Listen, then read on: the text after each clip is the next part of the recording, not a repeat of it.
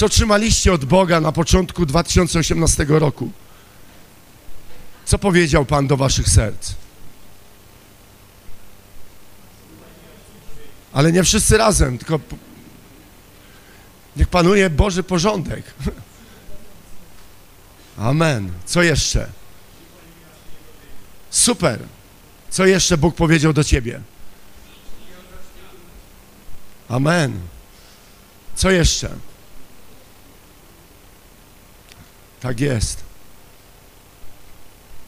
Proszę, proszę dalej. To takie nowe techniki, jak nie masz kazania, to prosisz ludzi, żeby mówili. Amen. Szukajcie Pana, bo można Go znaleźć. Tak, jest obecny. Halleluja. Pamiętacie, nie wiem, czy mieliście okazję słuchać w Dniu Wizji.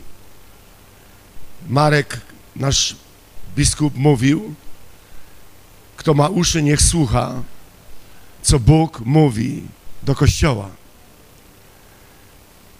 Kto ma uszy, niech słucha.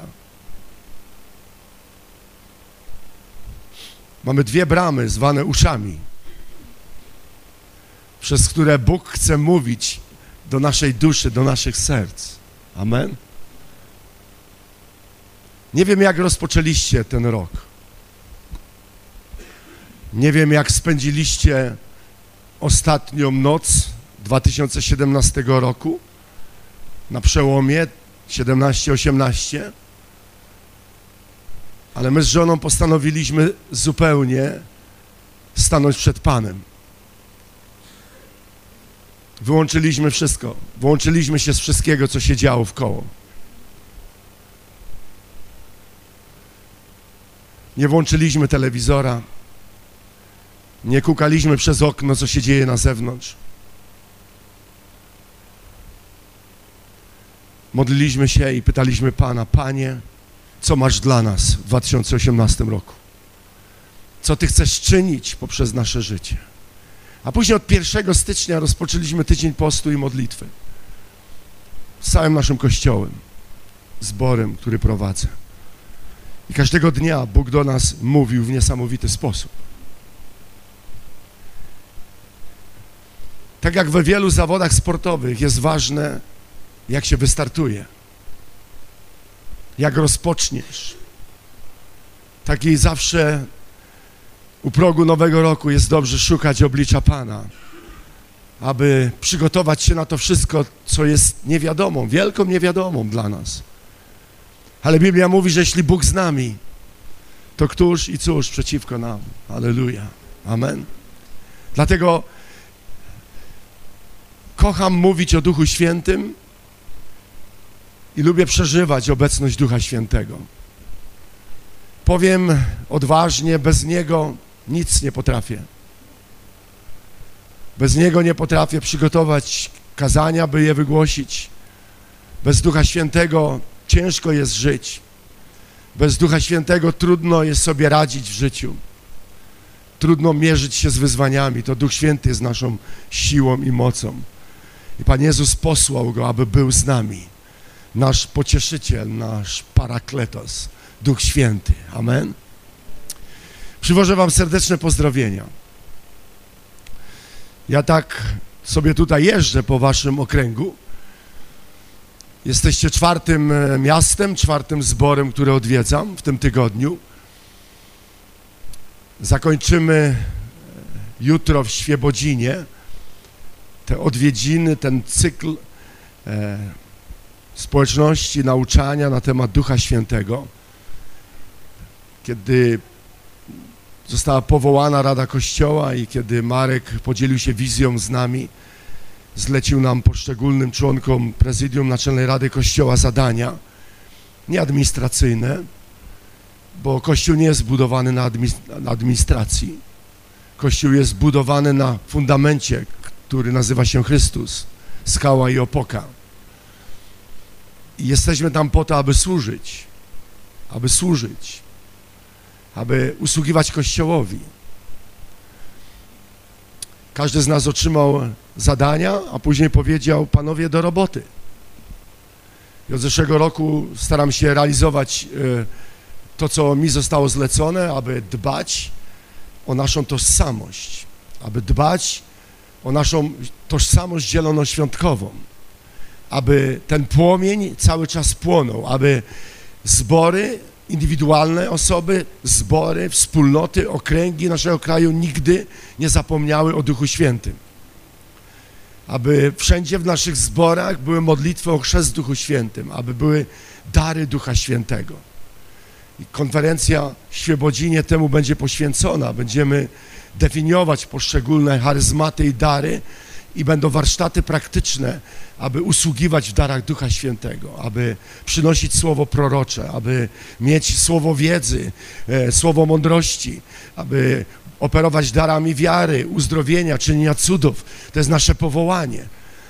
Paweł powiedział, nie chcę, bracia, abyście byli nieświadomi rzeczy co do darów Ducha Świętego. Pojawiają się proroctwa między wami publicznie. Są usługi w darze prorokowania lub e, w słowie wiedzy, w słowie mądrości, dary, dar uzdrawiania, dar rozróżniania duchów, języki i ich tłumaczenie.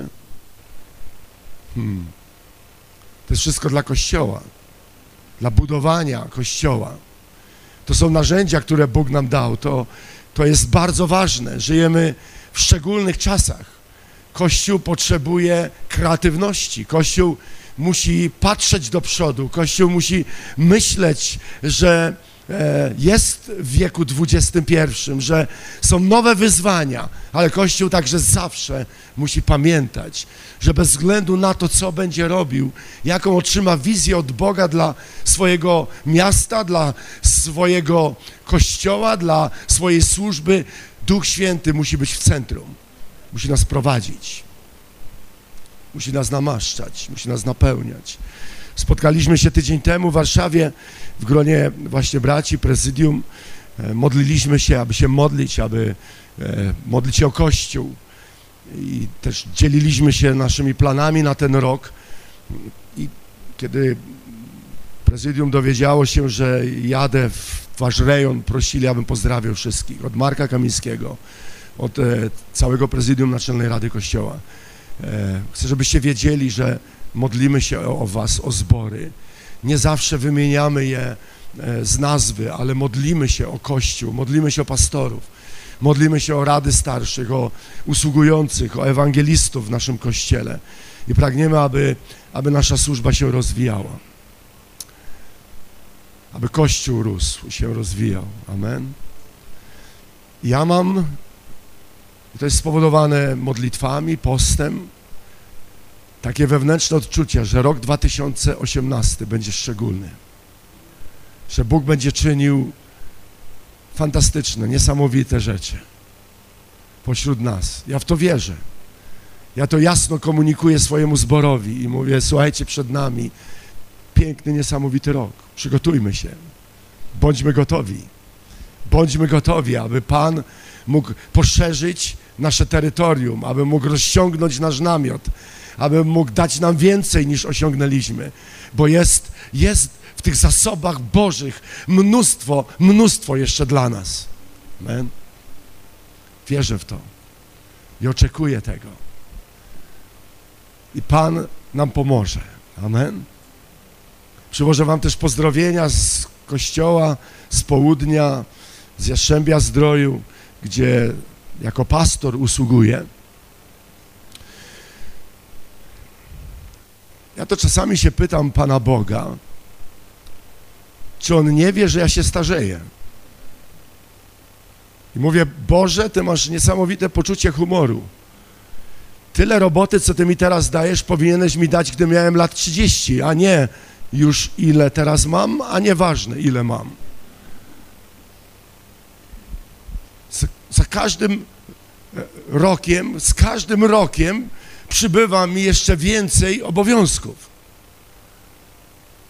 Pytam się, Panie Boże, kiedy Ty zwolnisz mnie albo zluzujesz trochę.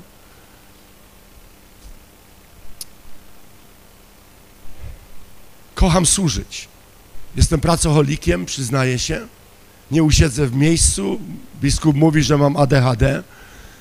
Może i mam, nie wiem, ale nosi mnie strasznie. Moja żona mówi, ty, słuchaj, ty ciągle się kręcisz. Ty nie potrafisz w miejscu usiąść. Taki jestem. E, czasami to pomaga, czasami szkodzi, ale pragnę Bogu służyć. Pragnę Bogu służyć. Gdy skończyłem 50 lat, już teraz idziemy dalej, aby do tego wieku dojść. Gdy skończyłem 50 lat, Bóg poszerzył moje granice i posłał mnie do Indii. I zacząłem jeździć na misję. Dość, że pastoruję zborowi, pracuję w Radzie Kościoła, dość, dosyć, że jeszcze zajmuję się ewangelizacją, podróżuję po Polsce, głoszę w różnych zborach, to Pan Bóg mówi, teraz jesteś gotowy, aby pojechać do Indii, aby głosić. Za miesiąc, o tej porze, w ten weekend, dokładnie za miesiąc, od 13 lutego, będę głosił w Indiach na czterech wielkich krucjatach, w różnych rejonach. Znowu przemierzę ten kraj od północy na południe. I zastanawiam się, co jeszcze Pan mi da. Bo wiecie, to jest bardzo niebezpiecznie modlić się, Boże, oto jestem, poślij mnie. Jestem do Twojej dyspozycji, zrób z moim życiem, co chcesz. Musimy naprawdę mieć na uwadze, co się może wydarzyć, bo Bóg odpowiada na modlitwy. Amen. Ale poza tym wszystkim, co Wam mówię, chcę dodać, że każdy z nas obecnych tutaj jest powołany. Każdy z nas jest cenny w oczach Bożych. I Bóg dla każdego z nas przygotował różne zadania, różne służby, chce nas używać i chce nas do tego wyposażyć. Bo to jest piękne, że Bóg nigdy nie żąda, abyśmy zlecone zadania wykonali o własnych siłach. Nigdy. Bo nie damy rady. On zawsze nas do tego wyposaża. On zawsze nas do tego namaszcza. On daje nam siłę. I On pragnie, pragnie działać poprzez nasze życie. Przywożę Wam też pozdrowienia od zborów, które odwiedziłem po drodze, z Nowej Soli, gdzie mieliśmy niesamowity wieczór we wtorek. Też kilka zborów się zjechało, aby e, szukać obecności Ducha Świętego i przeżywać Jego napełnienie. Później byłem w Gubinie, wczoraj w Szczecinie, e, dzisiaj jestem u Was, e, jutro w Świebodzinie i w niedzielę zakończę w Gorzowie. Trochę przyjrzę się pracy Waszego okręgowego, jak sobie radzi jako pastor. Będę u niego w zborze kończył tą podróż i wierzę, że wiele pozytywnych świadectw pozostanie. Pozostanie. Amen. Myślę, że proroczo była śpiewana ta pieśń, bo ja się zastanawiałem, o czym mówić. O ogniu, czy o wodzie, o rzece, czy o płomieniach. E, a może i o tym, i o tym. A może płomienie, które są w płynącej rzece, które rozpalają nasze serca. Amen. Bóg jest niesamowity. Ma tak wiele dla nas przygotowane. Może parę słów, wy myślę, jesteście gotowi na to, że tutaj będziemy ze 3-4 godziny. Jesteście gotowi? Nie? Ja z daleka przyjechałem.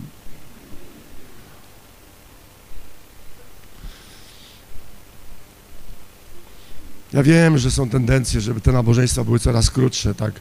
Najlepiej godzina, 15 minut. A nie u was, tak? Jeszcze. Nie dotarło. Dotrze. Dotrze, dotrze. Też nie chcę niczego robić na siłę.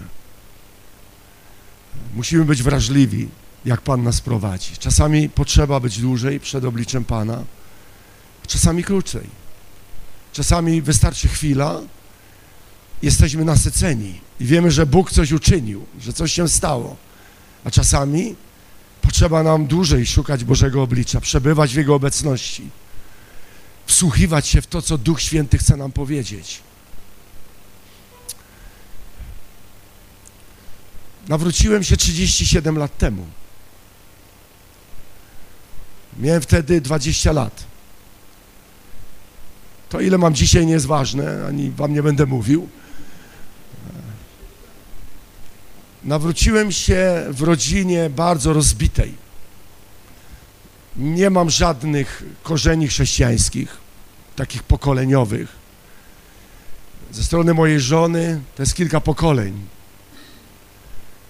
Policzyliśmy kiedyś, że jest około 400 osób w rodzinie mojej żony, czyli z tego pnia Ilczuków, Chydzików, około 400 osób wierzących. To jest potężny zbór. Ja bych tak wszystkich razem w jedno miejsce.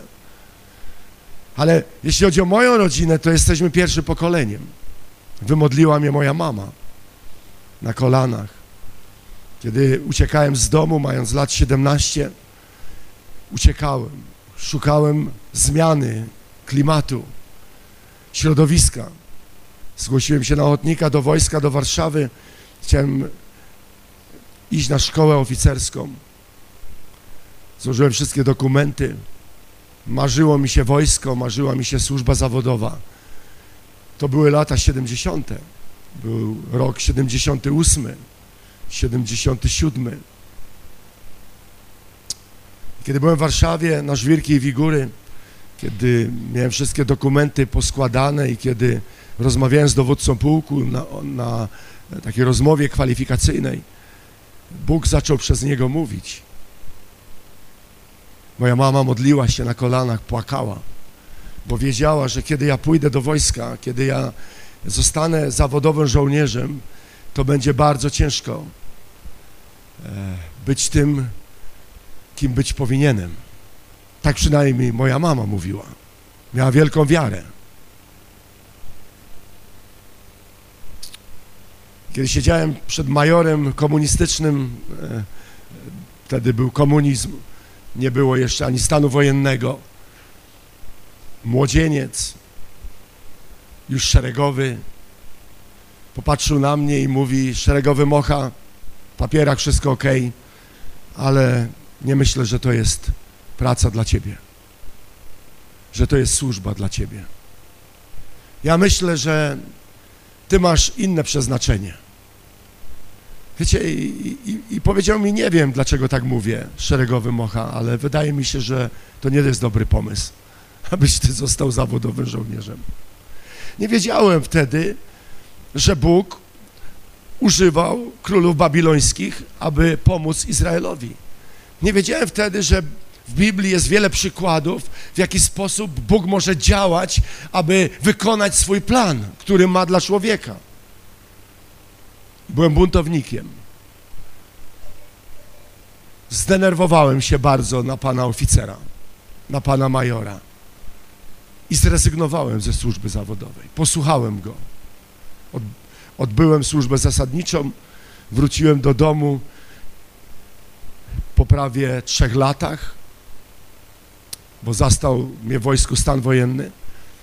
Wróciłem do domu i po sześciu miesiącach oddałem życie Jezusowi Chrystusowi i Bóg powołał mnie do swojej armii. Powołał mnie do swojego wojska. Mama później mi mówiła, wiesz synku, ja zawsze chciałam, abyś ty był księdzem. I później, gdy się nawróciła, to modliła się, aby Bóg mnie powołał do, do służby, abym służył Bogu. Abym służył Bogu.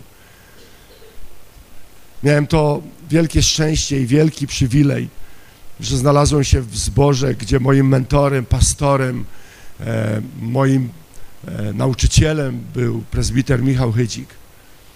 Od samego początku e, inspirował mnie niesamowicie. Ja po sześciu miesiącach powiedziałem mu, że Bóg powołuje mnie do służby, kiedy przeżyłem chrzest w Duchu Świętym.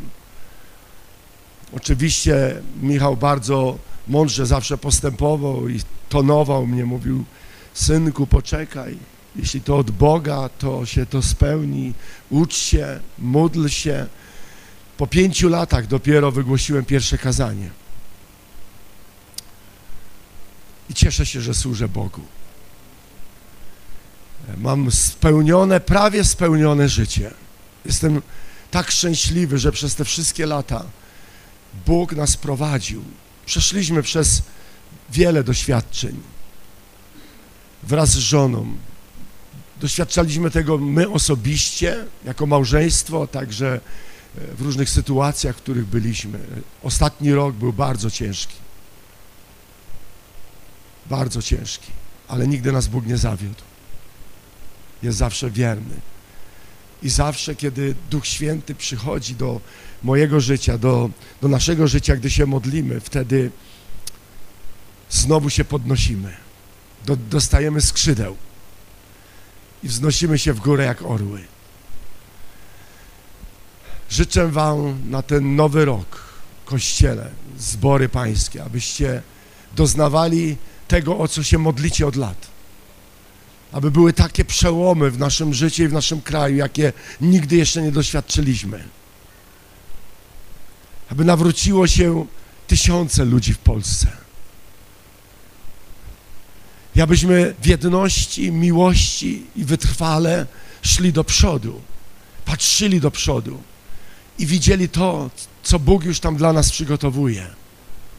Życzę wam, życzę wam tego z całego serca. Życzę wam, aby chodzież była przewrócona do góry nogami duchowo. Aby mnóstwo było nawróceń. Ja to widzę w Indiach. Tam jest niesamowite poruszenie. Jest to hinduski kraj. Ale kiedy głosimy Ewangelię, kiedy są organizowane nabożeństwa ewangelizacyjne, potrafi przyjść 4, 5 tysięcy ludzi. Po jednym weekendzie zostaje 500, 600 osób nowonarodzonych. Widziałem to na własne oczy. Widziałem cuda, jakie Bóg czynił niesamowite cuda. I zawsze, kiedy wracam, wracam tak niesamowicie zainspirowany, że to także może być u nas, że to jest ten sam Bóg, że to jest ten sam Jezus, który działa tam, jest wśród nas. Ten sam Duch Święty, który nas napełnia. Amen? Wszystko jest możliwe. Wszystko jest możliwe. Na początku grudnia otrzymałem newsletter, taką e, ulotkę z e, raportem tego, co się dzieje w Indiach, dlatego że bardzo sponsorujemy z Polski misję w Indiach. E, otrzymuję wszystkie informacje związane z ich działalnością. I opisywali wydarzenie, które miało miejsce w Gujarat, tam gdzie jadę teraz. E, mam obietnicę, że odwiedzę ten rejon i będę w tym kościele. Był wiejski mały zbór, 40-osobowy, w prowincji hinduskiej, w, samych, e, w samej e, centralnej tej części Indii. Mieli jeden instrument, na którym grali. Bęben. Taki jak ten dolna część na stopę. I mieli pałkę taką i przy uwielbieniu bili w ten bęben i wielbili Boga. I wielbili Boga każdą niedzielę. 40 osób nawróconych na chrześcijaństwo. W prowincji mieszkało około 4 tysiące ludzi. Znienawidzili ich. Powiedzieli, nie chcemy słuchać tego bębna i tych pieśni, które śpiewają. A więc jedną niedzielę, gdy było nabożeństwo, grupa mężczyzn weszła do środka. Wszystko zniszczyli. Zniszczyli im bęben, zniszczyli pomieszczenie, które mieli. Wygnali ich, pastora wygonili, zakazali przychodzić tutaj na to miejsce, zagrozili, że ich podpalą żywcem, jeśli tutaj będą się zgromadzać opuścili to miejsce, pastor przeprowadził się do następnej prowincji. A oni postawili straże przy tym budynku, żeby nikt nie wszedł. Hinduskie organizacje. antychrześcijańskie. Po paru dniach zaczęły się dziać dziwne rzeczy. Każdego wieczoru o 12 w nocy zaczęły bić głośno bębny w tym budynku. Ale biły o wiele głośniej niż w niedzielę rano. I biły od północy do piątej rano. Przez pięć godzin. Jedną noc wytrzymali, drugą także. Ale po dwóch tygodniach mieli dość. Po dwóch tygodniach, nie, od dwóch tygodni nie mogli spać. Biły te bębny, biły te bębny i biły te bębny i po prostu byli zmęczeni. A więc jakiś tam przywódca tej prowincji zebrał wszystkich i mówią, trzeba sprowadzić pastora. I trzeba zwołać tych chrześcijan i poprosić ich, żeby spotykali się w niedzielę. To może tylko raz w tygodniu będą bili w te bębny. Znaleźli pastora, sprowadzili go z powrotem, otworzyli ich budynek, wszyscy chrześcijanie powrócili i mieli pierwsze nabożeństwo. Uwielbiali Boga, mieli drugi bęben, grali Bogu na chwałę, zakończyli nabożeństwo i od tego dnia ustały bębny bić w nocy. W połowie zeszłego roku już prawie cała prowincja, cztery tysiące ludzi przeszło na chrześcijaństwo. Tak działa Bóg, gdzie ludzie uzależnieni są od Ducha Świętego. Ja jestem wdzięczny Bogu za to, co mamy, za wszystkie środki i możliwości, które mamy. Ale czasami nie potrzeba zbyt wiele. Gdy jest Duch Święty, Jego obecność, Jego moc pośród nas, gdy serca są gorące dla Boga, gdy gotowe są zapłacić najwyższą cenę, kiedy Bóg widzi to oddanie, to zaangażowanie, On przychodzi w niesamowity sposób do życia ludzi. Chciałbym przez parę minut powiedzieć Wam, co to znaczy być pełen Ducha Świętego co to znaczy być napełniony Duchem Świętym. I nie będę dzisiaj szczegółów, chodził w szczegóły charyzmatów, bo nie mamy na to czasu. Ale chciałbym Was zainspirować. To będzie takie zachęcające, inspirujące słowo, abyśmy pozwolili Duchowi Świętemu, by wchodził we wszystko, co robimy w naszym życiu. Aby był z nami. Abyśmy byli nim napełnieni. Bo wiecie, Duch Święty to nie jest tylko entuzjazm. To nie dreszczyk emocji, który przeżywamy, czy fajna atmosfera lub dobre samopoczucie. Duch Święty jest osobą ze wszystkimi cechami i zdolnościami osobowymi. Ma wolę, inteligencję, uczucia, wiedzę, współczucie, zdolność by kochać, widzieć, myśleć, słyszeć, mówić. Pragnie mieć z nami fantastyczną społeczność.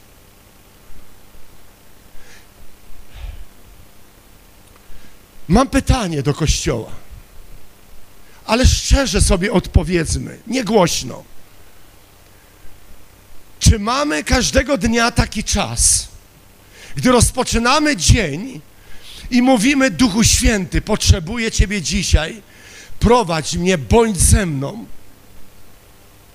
napełniaj mnie, używaj mnie, ostrzegaj mnie, mów do mojego serca. Pocieszaj mnie, gdy będzie mi ciężko. Duchu Święty, zapraszam Ciebie do mojego życia. Nie wiem, jak wygląda Wasz czas z Bogiem, kiedy go macie jedno powiem, nieważne kiedy go mamy, mieć czas z Bogiem musimy. Dla samych siebie, by szukać Bożego oblicza, by modlić się, by przeżywać obecność Pana, by słyszeć, co mówi do nas i zapraszać Ducha Świętego do naszego życia. Duch Święty jest naprawdę niesamowity. Myślę, że zaraz po zbawieniu jest najpiękniejszą i najwspanialszą obietnicą Bożą, która jest nam dana. To jest obietnica Ducha Świętego. ja nie chcę go zasmucać lub go lekceważyć. On przychodzi do naszego życia, aby nas prowadzić. Biblia mówi, że ci są Bożymi dziećmi, których Duch Boży prowadzi. On chce prowadzić nas z dnia na dzień, z tygodnia na tydzień, z miesiąca na miesiąc, przez cały rok, aż do końca naszego życia. On chce nas umacniać, pragnie nas świeżością nieba napełniać każdego dnia. Mój czas z Bogiem jest zawsze rano. Oczywiście zdarzają się wyjątki, gdy podróżuję lub jest to niemożliwe, ale w większości dni całego roku wstaję wcześnie rano, aby mieć swój czas z Bogiem. Powiem wam, że kiedy zacząłem to robić, wszystko w moim życiu się zmieniło. Był taki okres w mojej służbie, gdy byłem pastorem, prezbiterem, gdy e, byłem ewangelistą, jeździłem po Polsce, głosiłem kazania. Był taki czas w moim życiu, kiedy wszystko stało się rutyną. Kiedy potrafiłem z rękawa przygotować kazanie i nie miałem żadnego problemu. Kiedy zacząłem czytać Biblię tylko dlatego, bo musiałem przygotować następny wykład. Wtedy przyszedł Bóg do mojego serca i powiedział: Synu, zginiesz. Za moment wypalisz się, za moment zgaśniesz, stracisz wszystko, upadniesz, obudź się. I wtedy zacząłem szukać oblicza Bożego. I podjąłem wyzwanie. Powiedziałem, Boże, będę rano szukał Twojego oblicza tylko dla siebie. Czasami jest to pół godziny, czasami jest to godzina. Czasami, gdy się śpieszę, jest to 15-20 minut, ale musi być ten czas, aby rozpocząć dzień i zaprosić Ducha Świętego do swojego życia. Powiem Wam, że wszystko zaczęło się od tego momentu zmieniać. To nie znaczy, że pozbawiłem się trudności, problemów. Nie, one dalej były. Wyzwania, trudności dalej były.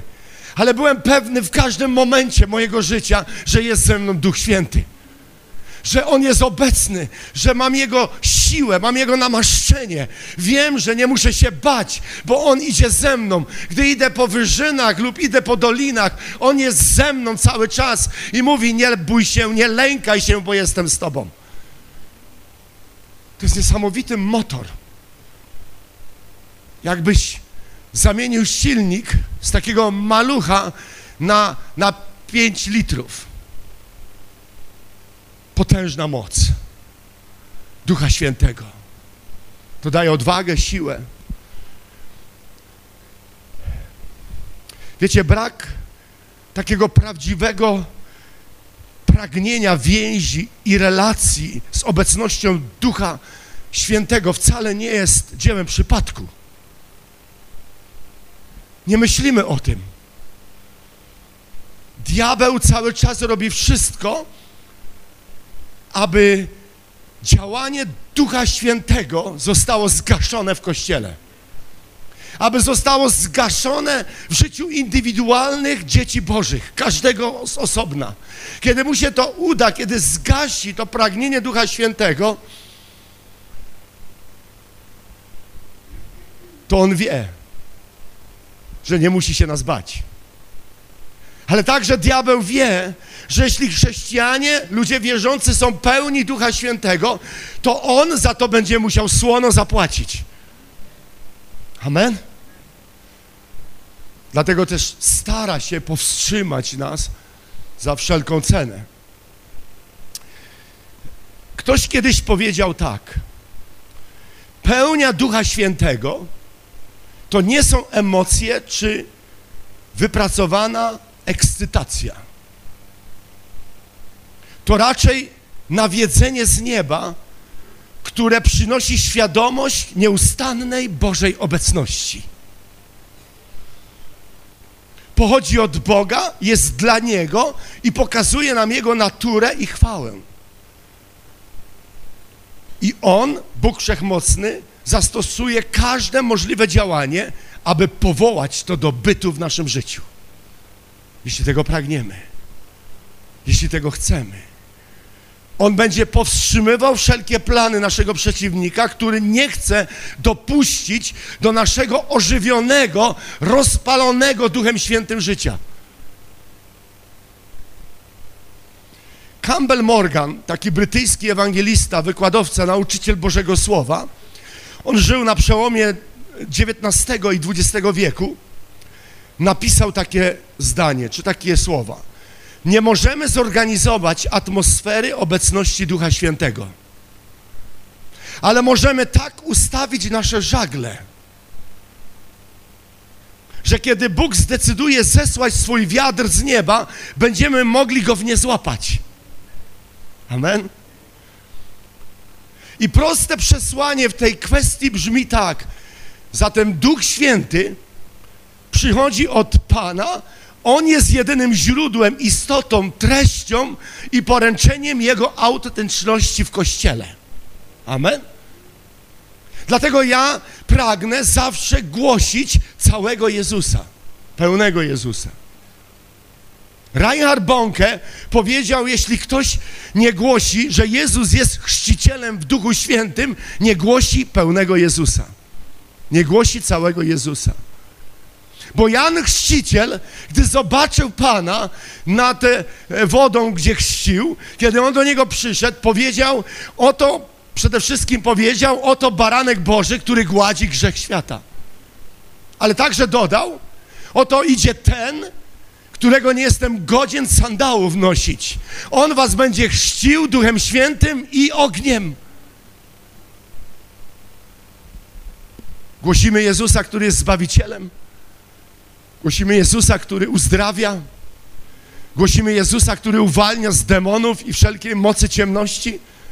Ale głosimy także Jezusa, który chrzci Duchem Świętym. Głosimy pełnego Jezusa Głosimy takim, jakim On jest. Jego nikt nie zwolnił, Ojciec w niebie nie zwolnił Jezusa z odpowiedzialności chrzczenia Duchem Świętym. Jezus ciągle chrzci Duchem Świętym. Dobra nowina brzmi tak, że ja nie mogę ochrzcić nikogo w Duchu Świętym.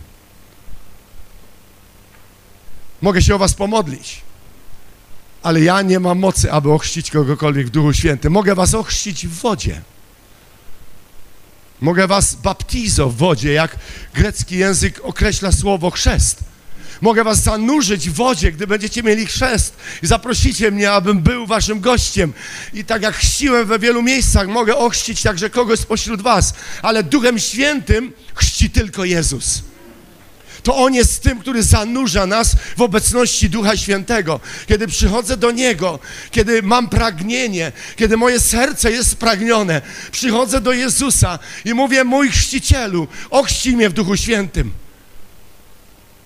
Wtedy przychodzi Boży ogień.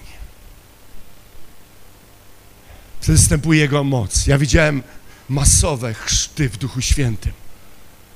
Po prostu to jest coś niesamowitego. Kiedy setki ludzi przeżywa napełnienie Duchem Świętym, zaczyna modlić się nowymi językami.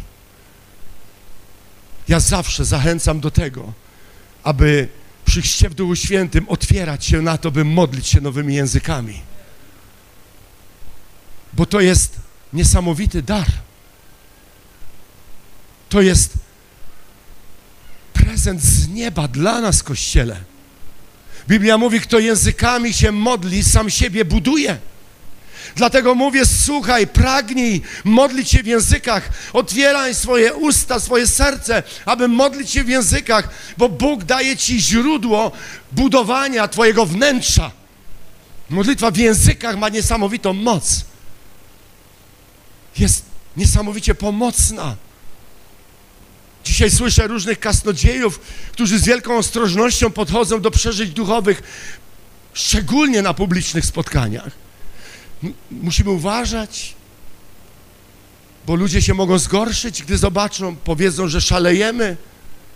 Ja zadaję pytanie wtedy, to dlaczego apostoł Paweł napisał, że dar języków jest dla niewierzących, a nie dla wierzących? Znakiem dla niewierzących, nie dla wierzących. Wow. Czyżby gafę strzelił apostoł Paweł? Pomyliło mu się coś? Nie, on wiedział, co mówi, bo kiedy są języki jest tłumaczenie tych języków w przesłaniu, Biblia mówi, że wtedy jakby wnętrze człowieka zostaje odkryte. Wiecie, czasami, gdy usługujemy z namaszczeniem, I myślę, że wielu kasnodziejów, którzy głoszą Ewangelię, tego doświadczyło. Kiedy przychodzi namaszczenie i głosi, że Duch Święty przychodzi w mocy, to nagle dowiaduje się, przynajmniej tak mi komunikowano, że osoba, którą przyprowadziłem, była niesamowicie zła na mnie, że wszystko pastorowi o niej powiedziałam. Bo on wszystko mówił, co jest w moim życiu. Skąd on o tym wiedział? Prawda jest taka, że ja nawet nie wiedziałem, że ta osoba kogoś przyprowadzi. Kiedy Duch Święty przychodzi, wszystko ulega zmianie. Amen. Kilka takich myśli chciałbym Wam zostawić. Co to znaczy być pełnym Ducha Świętego? Po pierwsze, kiedy przychodzi Duch Święty, ożywia nas. Jest taki tekst w Psalmie 85, wierszu 6.